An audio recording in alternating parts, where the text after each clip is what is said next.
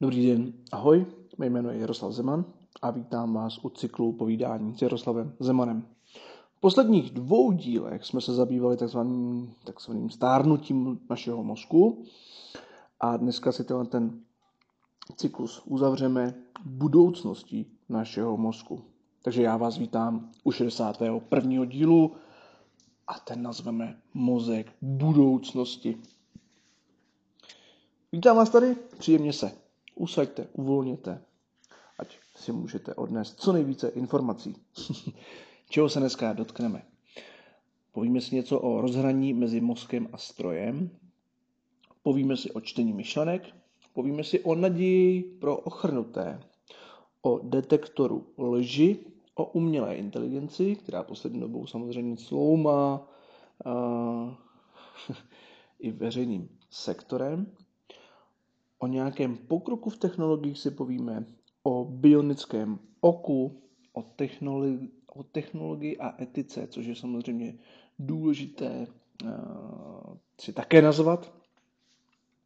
Povíme si o stimulu nervu vágu, o bionické ruce a na závěr si povíme, nebo si zodpovíme pár otázek.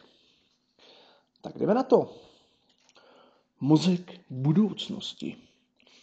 Brzy potom, co odhalíme, jak mozek funguje, zlepší se naše vyhlídky na jeho změnu.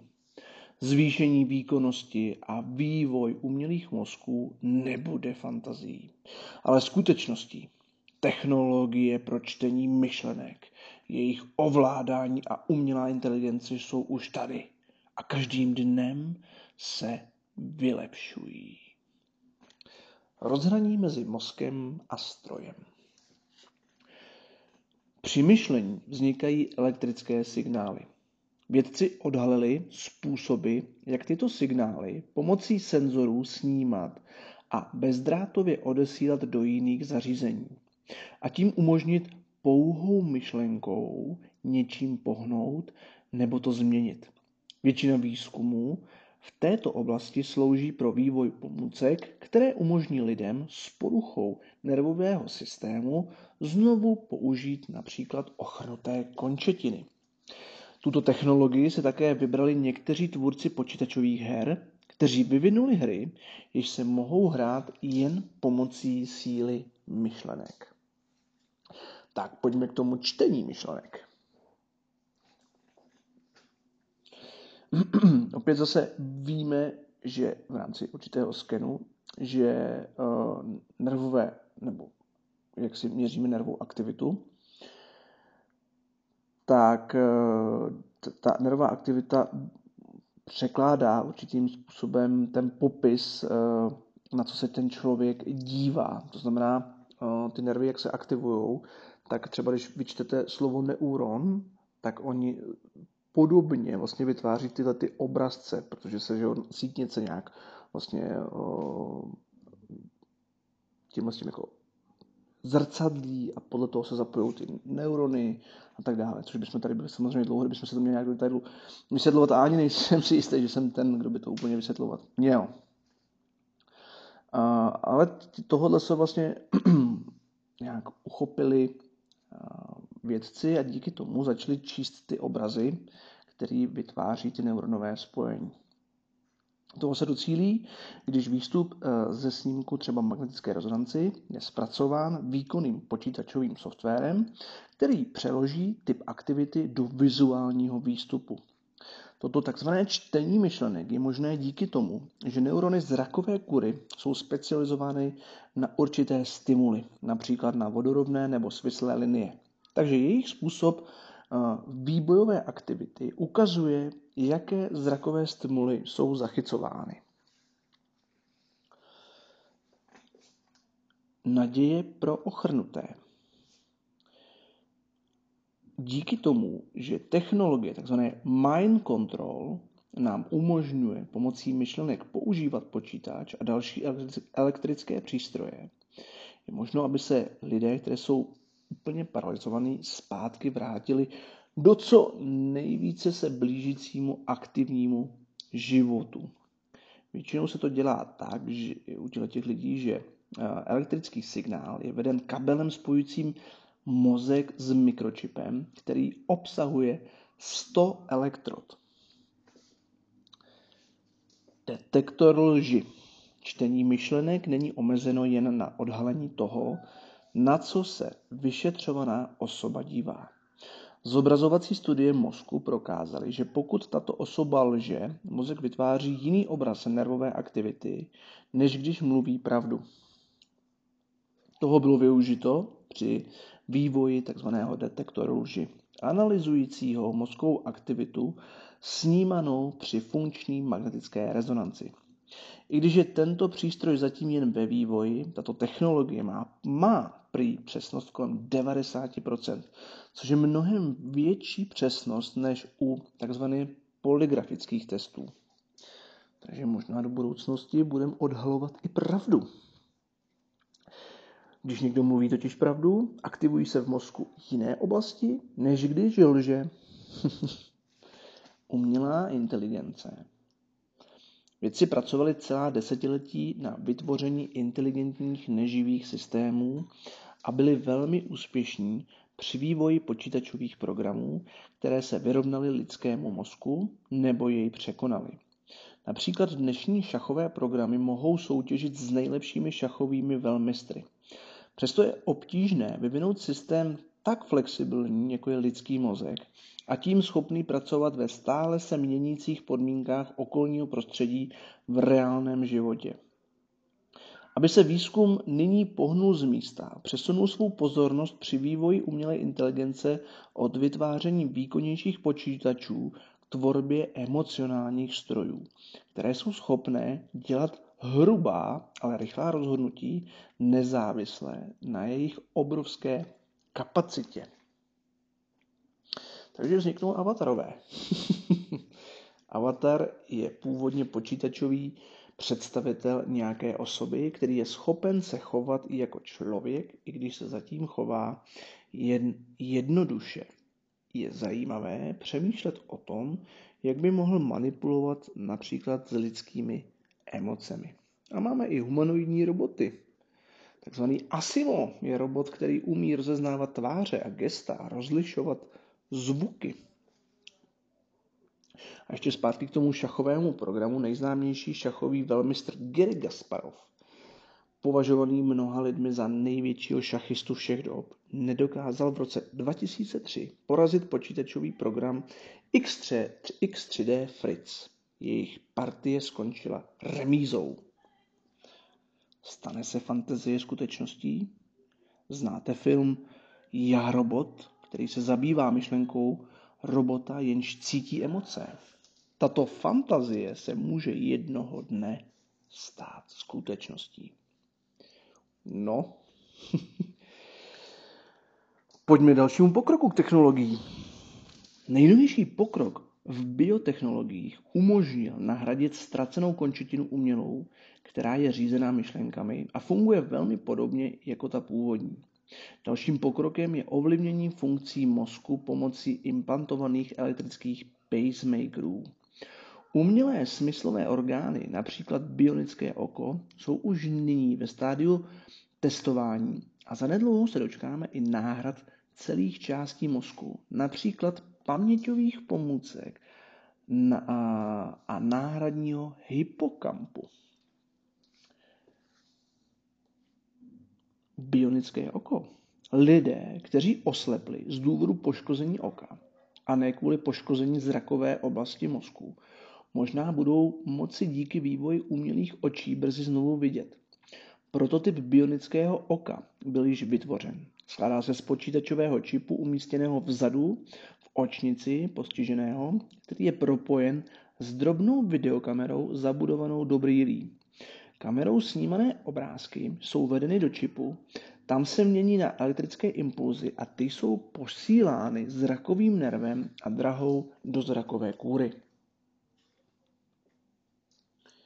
Takže možná za chviličku budeme svá těla různě vylepšovat. Takže Terminátor is real a Čapek se svým robotem se nemýlil.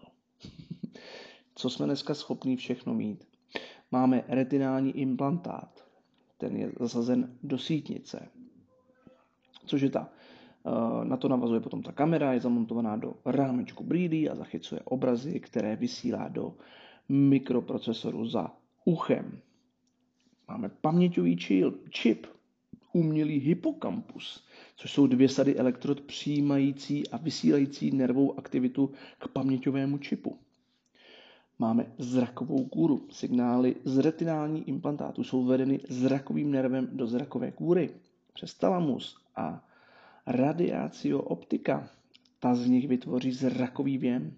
Tam je další mikroprocesor, který mění signál z kamery na elektrické impulzy, které vysílá do retinálního implantátu. Pak máme další pacemaker, což je drobný generátor, který tenkým kabelem vysílá pravidelné impulzy, elektrody, které obtáčejí se kolem nervu vágu a vedou signály z pacemakeru do hrudi a do mozku. Počítač zpracovává impulzy a instrukce pro ruku k provedení třeba určitého pohybu. Kde máme určitý umělý přístroj, kde, kde jsou nějaké elektrody zabudované do tohoto postroje, který se třeba ve formě ruky dává nebo dá na toho člověka, která zachycuje elektrické impulzy z nově vedených senzitivních nervů ve stěně hrudní. Pak máme senzitivní nervy, jdoucí obvykle z míchy do paže, jsou přesměrovány ke svalům hrudníku. A umělá ruka, u prvních typů bionické paže byli pacienti schopni ohnout, ohnout ji buď jen v lokti nebo rozevřít ruku. Novější typy umožní provést oba pohyby současně. Takže dochází k nějakému vylepšení mozku a těla. Prakticky každou část těla, včetně smyslových orgánů, bude možné v budoucnu uměle nahradit. Některé z náhrad se už vyvíjejí, ale z těch, co jsou, nebo co jsou zatím známy, se klinicky využívá jen stimulátor nervu vágu. Tak co to je ta stimulace nervu vágu?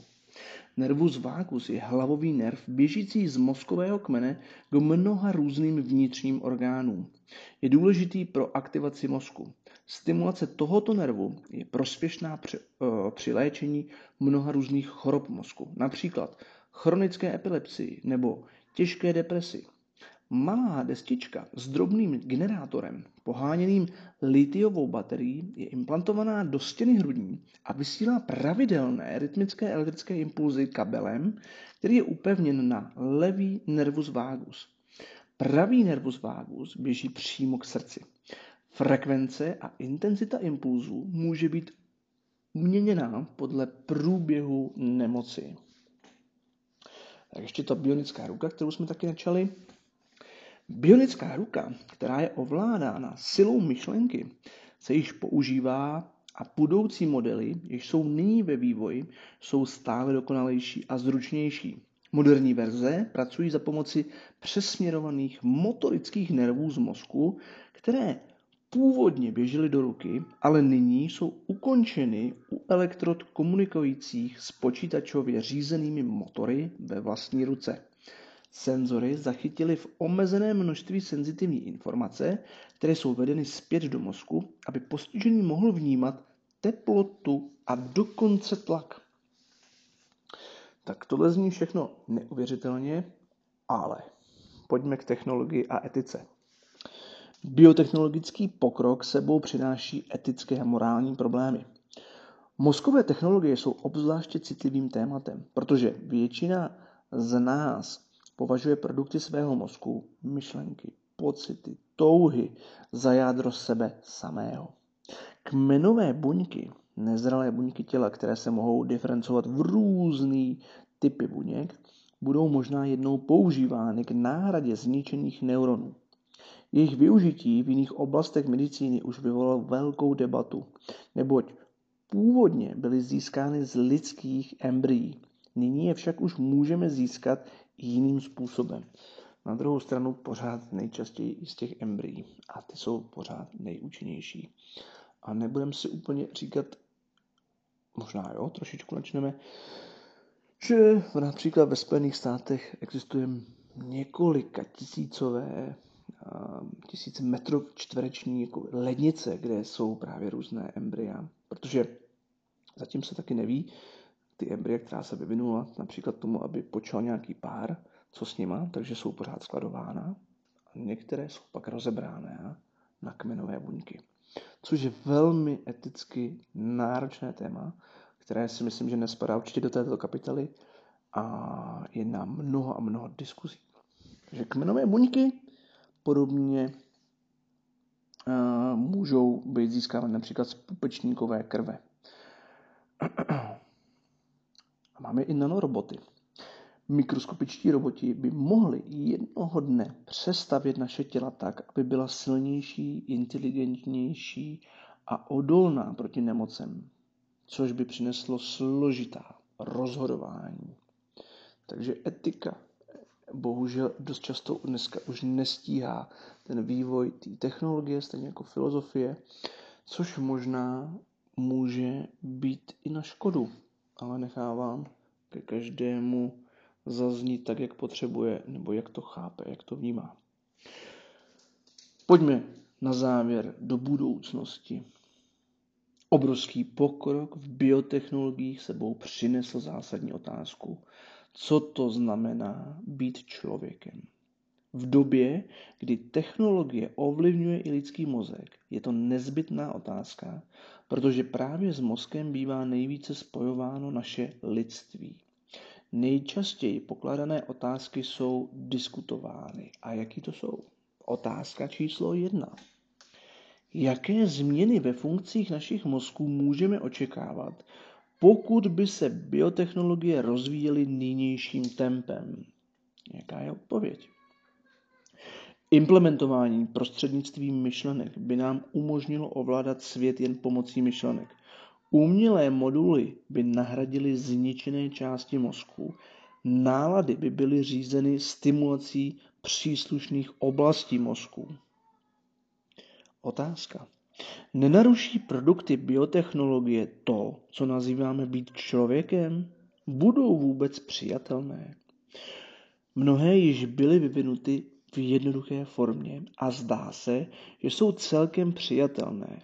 Máme bionické končetiny, mozkové pacemakery, takzvané stimulátory, i prototyp hypokampální náhrady. Jaké hlavní technologické problémy ještě musí být překonány? Hlavním problémem zůstává zmapování mozku. I když v posledních deseti letech značně pokročilo, nejsou dosud známy složité spoje mezi jeho různými oblastmi. Budou stroje někdy myslet a mít vědomí? Zdá se, že není důvod, aby tomu tak nebylo. Nejvyšší výzva asi nebude technologického rázu, ale spíše etický dopad toho, že by lidské vědomé bytí bylo umístěno do umělého těla. Tak a tímto uzavřeme dnešní kapitolu a nechávám zaznít každému ve vašem uchu, ve vašem mozku, možná ve vašem srdci, a ať to všechno sedne tak, jak vycítíte právě teď. Tímto se s vámi loučí Jaroslav Zeman a přeje vám krásný den.